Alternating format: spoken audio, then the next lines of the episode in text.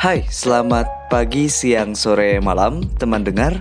Kembali lagi denganku Ilham Hadi dan sekarang aku akan membacakan novel Pergi karya Terelie bab 9 yang berjudul Pertanyaan Sederhana, Jawaban Panjang. Nah, kira-kira ini pertanyaan untuk siapa ya? Dan ini kan emang sering terjadi di dunia nyata ya. Kadang kita nanya hal yang simple, tapi jawabannya malah muter-muter gitu anjir. oh ya, by the way, sebelum mulai aku mau bacain pesan dari teman dengar yang sudah menyumbang atau mengapresiasi podcast ini atau karyaku di Saweria baru tiga orang sih. Tapi ku bacain aja ya. Pertama dari Peri Cantik. Wih katanya ini ada sisa uang jajan. Oke mm, Makasih ya karena Sudah memberikan sisa uang jajannya Untuk membantuku mencukupi asupan makan siang. Lalu ada dari Lariska. Katanya semangat kak. Jangan sering-sering hiatus iya iya bakal bakal semangat kok apalagi kalau ada yang nyawer gini makin semangat lalu terakhir dari hamba Allah katanya semangat kak oke siap siap akan selalu semangat insya Allah Yap, um, terima kasih untuk teman dengar yang memberikan saweran apresiasinya. Nanti kalau ada lagi bakal ku bacain tiap opening ya. Kalau ada sini juga tiga, alhamdulillah banget ada yang nyumbang. Oke, okay, uh, eh, kita langsung saja ke pembacaan novel ya. Untuk teman dengar yang ingin tahu cerita novel pergi ini tapi tidak ada kesempatan untuk membaca, silahkan duduk dengan tenang, rebahan atau cari posisi yang paling nyaman menurut teman dengar sekalian dan dengarkan saja.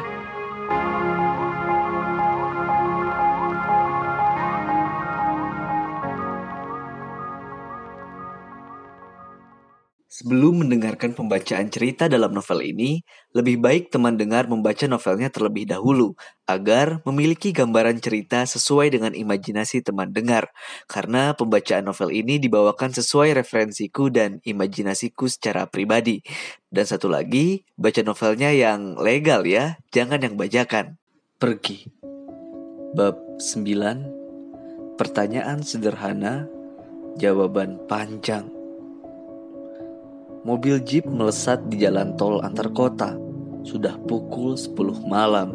Aku harus tiba di bandara sebelum tengah malam. Edwin sudah kembali dari Hong Kong mengantar White. Dia menungguku di sana untuk terbang menuju ibu kota provinsi. Aku sempat menelepon Togar saat istirahat sejenak di rest area jalan tol, mengisi bensin mobil sekaligus salonga hendak ke toilet. Halo, Kabar terkini Togar? Siap Tauke Besar. Aku telah memanggil seluruh letnan. Dua di antaranya dinonaktifkan hingga penyelidikan selesai. Jika mereka tidak terbukti terlibat dengan Chen, mereka akan kembali bertugas. Togar segera memberi laporan. Aku juga telah memeriksa rumah kediaman Chen Positif, dia telah membocorkan informasi riset benda anti serangan cyber di Meksiko kepada Master Dragon. Ada dua lokasi riset lain yang juga bocor, New Delhi serta London. Aku telah menugaskan jaringan kita di sana agar secepat mungkin memindahkan sementara laboratorium beserta profesornya. Aku bergumam, dua lokasi itu juga riset tentang teknologi informasi. Master Dragon sepertinya amat tertarik dengan hal itu. Penjaga seluruh bangunan strategis telah dilipat gandakan Tauke Besar. Efektif tadi sore pukul 5. CCTV telah ditambah, jadwal patroli, shift berjaga juga telah diperbaiki. Aku telah bicara dengan Parwes, dia memahami situasi terbaru dan mengusulkan agar kita membagikan selebaran prosedur darurat ke seluruh karyawan berbagai perusahaan keluarga Tong agar mereka yang tidak tahu menau soal peperangan ini juga bersiap dan melakukan latihan jika terjadi situasi tersebut. Parwes juga segera menyiapkan beberapa skenario konferensi pers dalam kondisi darurat. Itu ide bagus, Togar. Ya, tahu besar. Kami juga menambah pengawalan pada Parwes, meski dia keberatan. Aku memastikan sendiri pengawalannya tidak mencolok. Dan Payong juga telah mengamankan markas besar. Anak itu tahu persis apa yang harus dilakukan. Dia memperbarui sistem pertahanan markas yang dulu dibuat oleh Kopong. Aku mengangguk. Itu berarti sejauh ini tidak ada masalah. Um, hanya saja tahu ke besar si Kembar marah-marah. Yuki dan Kiko? Iya, tahu ke besar. Mereka berdua meminta Presidential Suite hotel terbaik keluarga Tong sebagai base camp. Apa masalahnya? Berikan saja, Togar. Aku mengusap wajah. Si kembar memang selalu meminta hal aneh-aneh. Mereka seolah lupa bahwa mereka kutugaskan mencari tahu tentang pembunuh bayaran yang disewa Master Dragon, bukan sedang liburan mewah. Hmm, masalahnya kamar tipe tersebut sudah dipesan jauh-jauh hari oleh rombongan kerajaan Arab Tauke Besar. Kamar itu akan digunakan raja dalam kunjungan ke sini dua minggu lagi. Si Kembar marah-marah. Mereka berseru-seru meneriakiku dalam bahasa Jepang. Sona koto siranai, baka, entahlah aku tidak paham. Mereka ngotot, mereka juga memberikan daftar panjang yang harus dipenuhi. Seperti sandal jepit berwarna pink, jubah mandi dengan motif Hello Kitty. Berikan saja ke Yuki dan Kiko Togar. Cucu guru Bushi berhak mendapatkan apa pun, seabsurd apa pun permintaan mereka. Carikan kamar lain untuk rombongan kerajaan tersebut. Bila perlu, tawarkan kamar dan fasilitas tambahan di Bali sebagai kompensasi perubahan kamar. Lagi pula itu ada bagusnya. Jika hotel itu menjadi target Master Dragon, setidaknya raja tidak menginap di sana. Kita tidak mengurusi keselamatan orang lain, apalagi terlibat insiden diplomasi. Oh siap, tahu ke besar. Laporkan segera jika ada informasi penting, Togar. Aku sedang menuju ibu kota provinsi. Ada urusan masa lalu yang hendak ku selesaikan di sana. Aku akan mengirimkan informasi lewat pesan tertulis, termasuk alamat tujuan. Siapkan segala sesuatunya. Aku menutup telepon. Salonga sudah keluar dari toilet, menepuk-nepuk ujung kemeja yang basah. Mobil jeep kembali melesat di jalan tol yang lengang. Di atas langit sana, purnama tertutup separuh oleh awan tebal. Salonga merebahkan sandaran kursi. Dia beranjak tidur lagi. Pukul 23 lewat 45 menit. Aku tiba di bandara. Pesawat jet telah menunggu di parkiran. Edwin menyapaku. Selamat malam, Tauke Besar.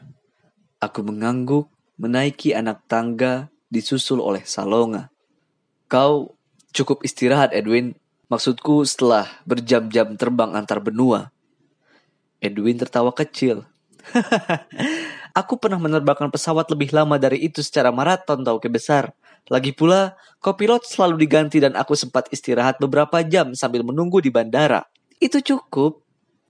Baik, kita menuju ibu kota provinsi. Ada urusan yang harus kuselesaikan di sana. Edwin mengangguk.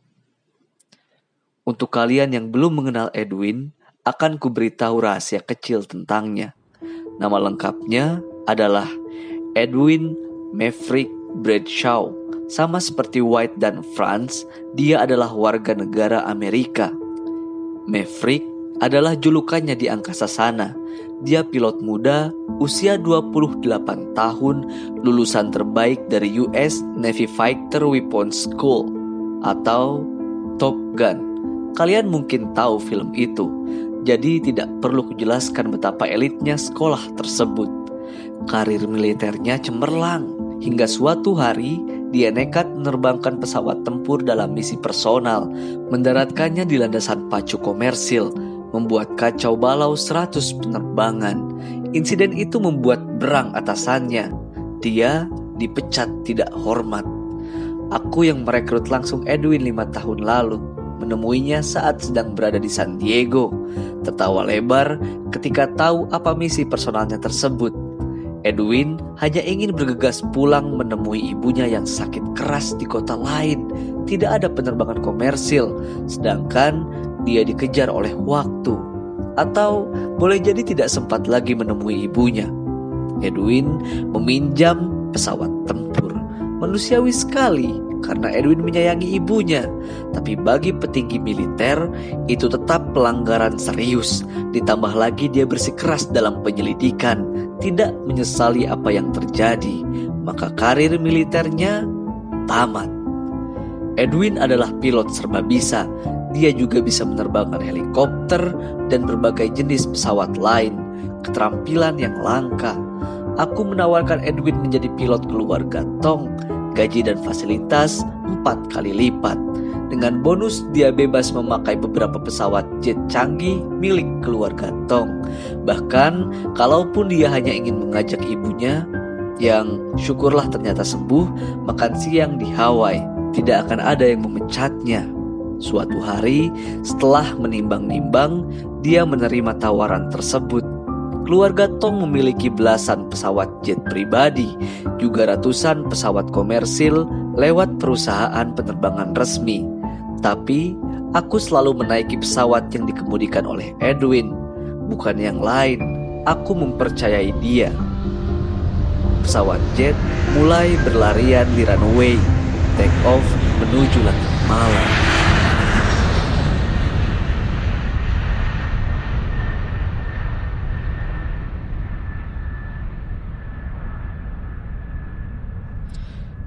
Aku merebahkan punggung di kursi. Salonga duduk di seberangku. Gemerlap lampu kota terlihat dari bingkai jendela.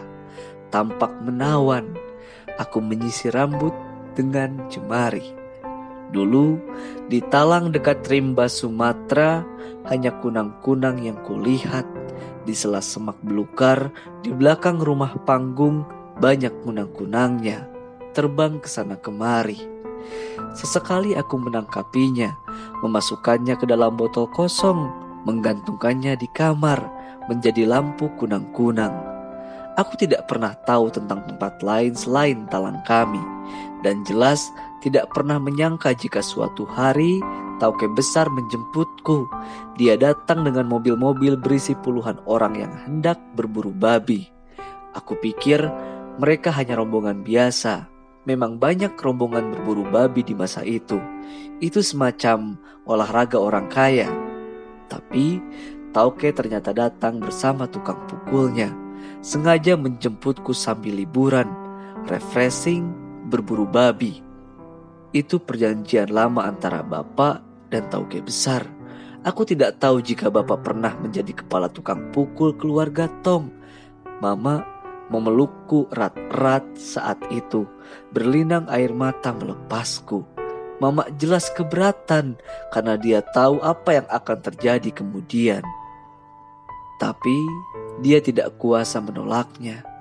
Itu sudah menjadi garis hidupku. Aku pergi meninggalkan talang.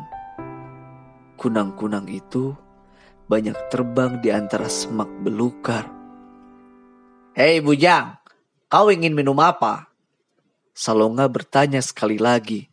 Aku menoleh, meminta maaf. Aku tidak mendengarnya tadi. Masa lalu itu melintas kembali di kepala. Aku menggeleng, merasa tidak haus. Terserah Salonga mau mengambilkan minuman apa.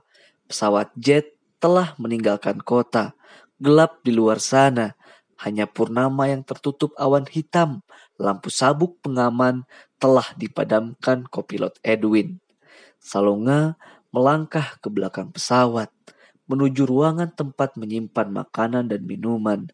Kembali lagi membawa dua botol air mineral dingin. Menyerahkan salah satu kepadaku, lantas duduk merebahkan punggung, rileks. Tanpa percakapan, kabin pesawat terasa senyap. Salonga meneguk minumannya. Boleh aku bertanya sesuatu yang personal, Salonga? Aku memecah lengang sambil mematut-matut botol air minum di tanganku. Bertanya boleh saja, Bujang. Bebas. Soal aku mau menjawab atau tidak, itu urusan lain. Salonga meluruskan kakinya, meletakkan botol di tatakan kursi. Aku hendak tertawa mendengar responnya. Salonga adalah versi Yuki dan Kiko setelah berusia 70 tahun. Apa pertanyaanmu, Bujang? Salonga menunggu. Apakah kau merasa hidupmu selurus itu, Salonga? Maksudku, percakapan di sekolah agama tuanku imam tentang menghadiri kebaktian. Salonga tertawa kecil. aku tahu maksudmu, Bujang. Dan aku akan berkata serius. Aku memang rajin pergi ke gereja. Apakah aku merasa aku adalah orang baiknya hanya karena rajin ke gereja? Iya, kenapa tidak? Aku menggeleng pelan. Kau pernah menjadi pembunuh bayaran, Salonga. Kau bertanggung jawab atas setidaknya 100 pembunuhan di Asia Pasifik, termasuk calon presiden Filipina. Pensiun di Tondo, membuka sekolah menembak bagi anak-anak gelandangan, melakukan kerja sosial, rajin pergi ke gereja, tidak mengubah fakta itu. Hei, aku memang pernah menjadi pembunuh bayaran, Bujang. Tapi aku tahu persis setiap kali menarik pelatuk pistolku, aku membunuh orang-orang yang memang patut mati. Penipu, penjahat, politisi koruptor, diktator, tukang selingkuh, penjudi, panjang daftarnya bujang. Bahkan jika targetku tidak masuk dalam kategori itu, mereka tetap saja sosok jahat dan layak dibunuh. Astaga, kau dibayar untuk melakukannya, Salonga. Itu bukan tindakan idealisme. Tentu saja aku dibayar. Itu bukan pekerjaan mudah. Membutuhkan keterampilan dan keberanian tingkat tinggi. Mencukur rambut saja dibayar, bujang. Seidealis apa pun seorang tukang cukur, misalnya bercita-cita besar hendak membuat rapi seluruh kepala umat manusia, dia tetap dibayar. Tapi aku bisa memilih harus menerima bayaran dari siapa dan apa targetnya. Aku mengingat semua korbanku, Bujang. Apakah aku bisa tidur nyenyak setelah menembak mereka? Bisa. Aku tidak akan membiarkan perasaan bersalah atau orang lain menghakimiku karena mereka tidak berhak melakukannya. Biarlah Tuhan kelak yang menghakimiku. Apakah aku memang seorang pembunuh terkutuk atau bukan? Apakah aku orang jahat? Dan segala sesuatu yang lain memang ada alasannya di dunia ini. Kenapa kita harus hidup atau mati? Biarlah, itu urusan nanti. Aku tidak sedang mencari redemption dengan pergi ke gereja, juga dengan aktivitas sosial, mengurus anak-anak gelandangan itu. Pujang, aku hanya memberikan mereka jalan agar mereka juga menemukan alasan dalam kehidupan mereka, seperti aku menemukan alasan dengan pistolku.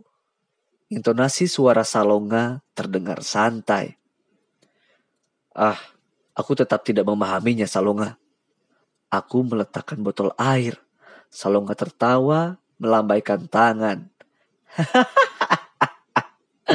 Aku lahir miskin di kawasan Tondo, kota Manila. Sebuah kawasan super padat di ibu kota Filipina, Bujang. Kau tahu persis tempat itu. Ganggang kumuh, jalan sempit, rumah menempel rapat satu sama lain, bau pengap dari got-got dengan ratusan tindak kriminal terjadi setiap hari di atasnya. Hah, aku besar di jalanan yang keras, Sejak kecil aku sudah belajar memukul, mencuri. Hingga usiaku 12, seseorang berbaik hati mengangkatku menjadi anak. Aku akhirnya menemukan kasih sayang keluarga. Nanai, ibu angkatku, demikian aku memanggilnya, merawatku. Tatai, ayah angkatku, menyekolahkanku. Aku kembali menjadi anak yang baik.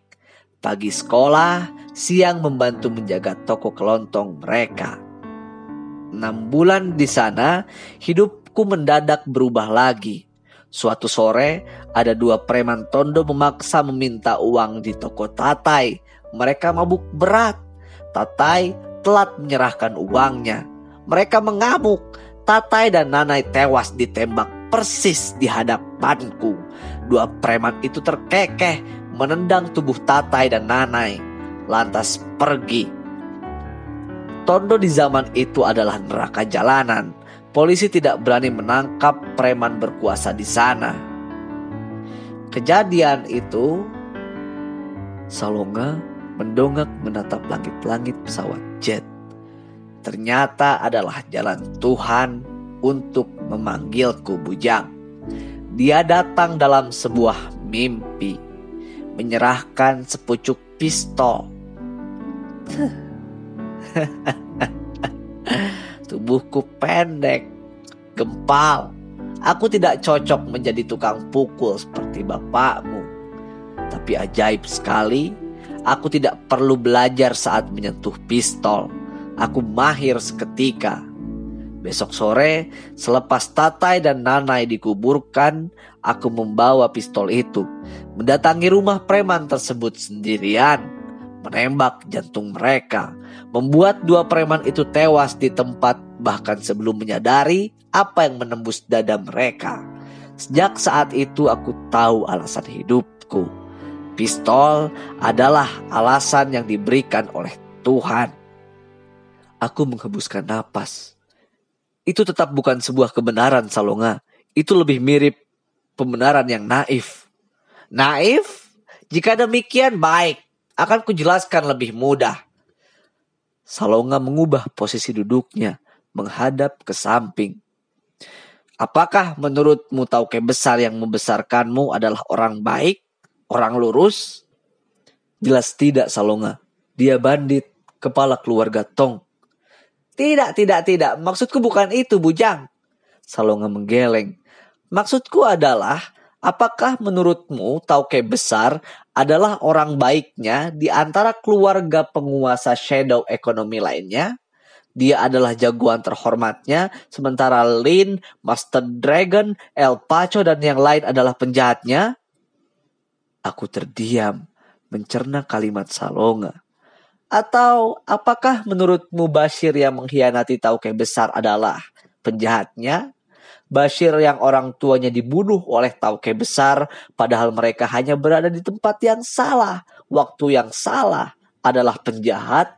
Sementara Tauke besar adalah orang lurus karena dia punya alasan mulia, sedang melakukan ekspansi keluarga Tong. Aku terdiam lagi. Jawabannya tidak, Bujang. Kau boleh saja begitu hormat, kagum, respect kepada tauke besar yang mendidikmu. Kau boleh saja meneriakan namanya dengan begitu agung, tapi dia tidak lebih baik dibanding penjahat lainnya. Coba perhatikan nama keluarga Tong. Apakah kau tahu siapa yang bernama Tong di keluarga itu? Tidak ada. Tauke besar bukan itu namanya.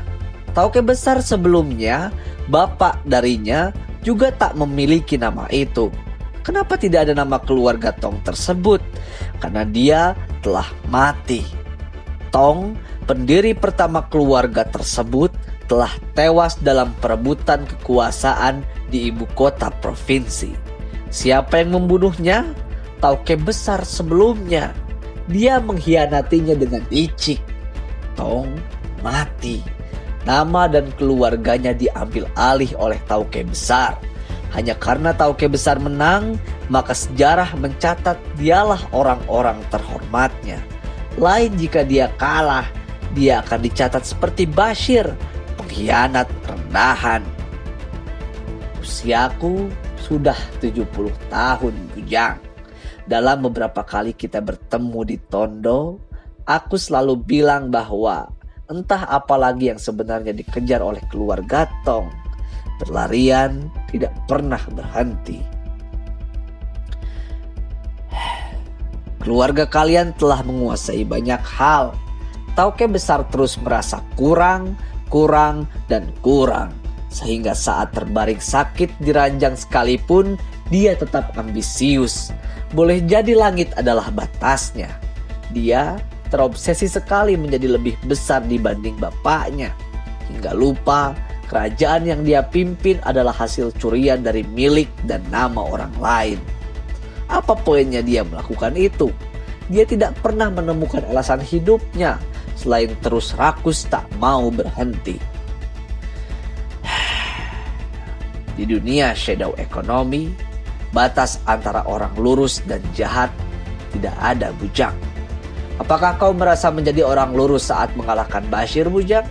Apakah kau merasa berhak menggagalkan Bashir membunuh Tauke besar, seseorang yang secara keji membunuh keluarganya dulu? Bashir hendak balas dendam, tidak lebih, tidak kurang. Dia berhak melakukannya. Itu pertanyaan milikmu sekarang. Termasuk ke mana kau akan pergi sekarang.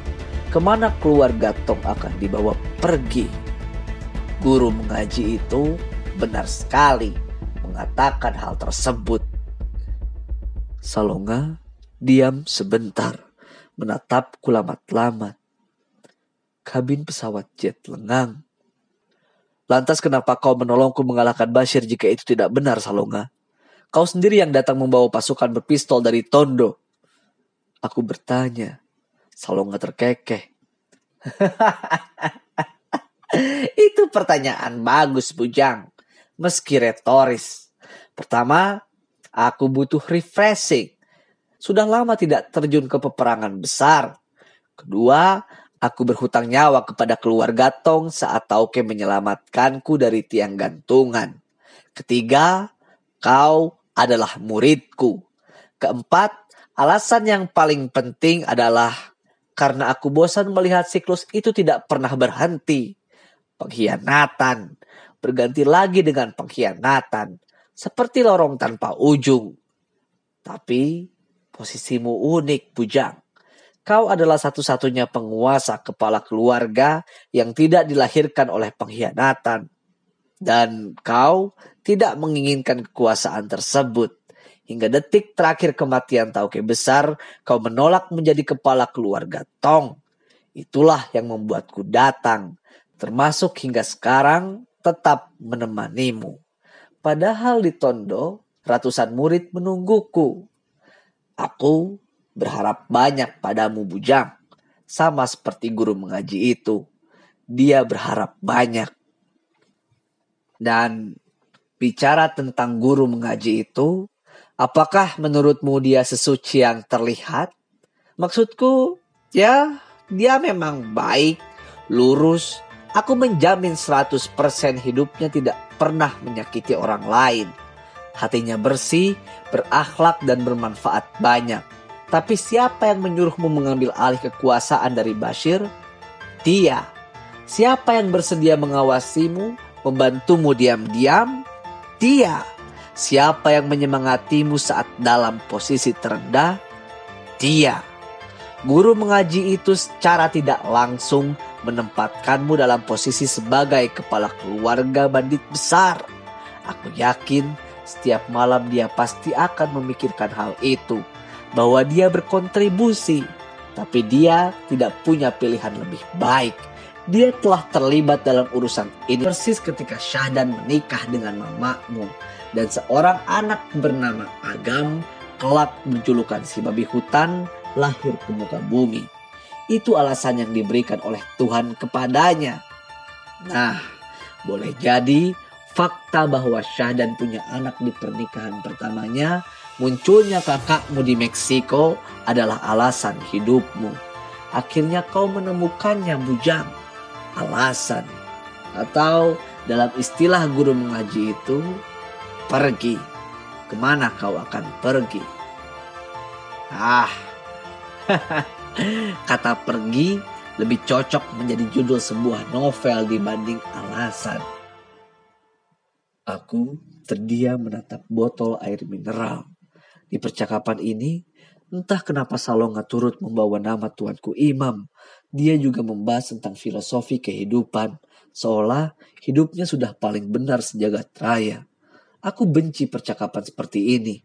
Meski poin-poin di dalamnya berisi sesuatu yang mau tidak mau terus bertalu-talu muncul di kepalaku. Aku pikir dengan menjadi tauke besar berdamai dengan masa lalu, pertanyaan-pertanyaan itu akan hilang. Alih-alih pertanyaan itu semakin banyak. Aku tadi hanya bertanya satu hal sederhana, Salonga. Aku akhirnya berkata pelan, meluruskan kaki tapi percakapan ini ke mana-mana. Aku bertanya, apakah kau memang merasa hidupmu selurus itu, Salonga? Hanya itu.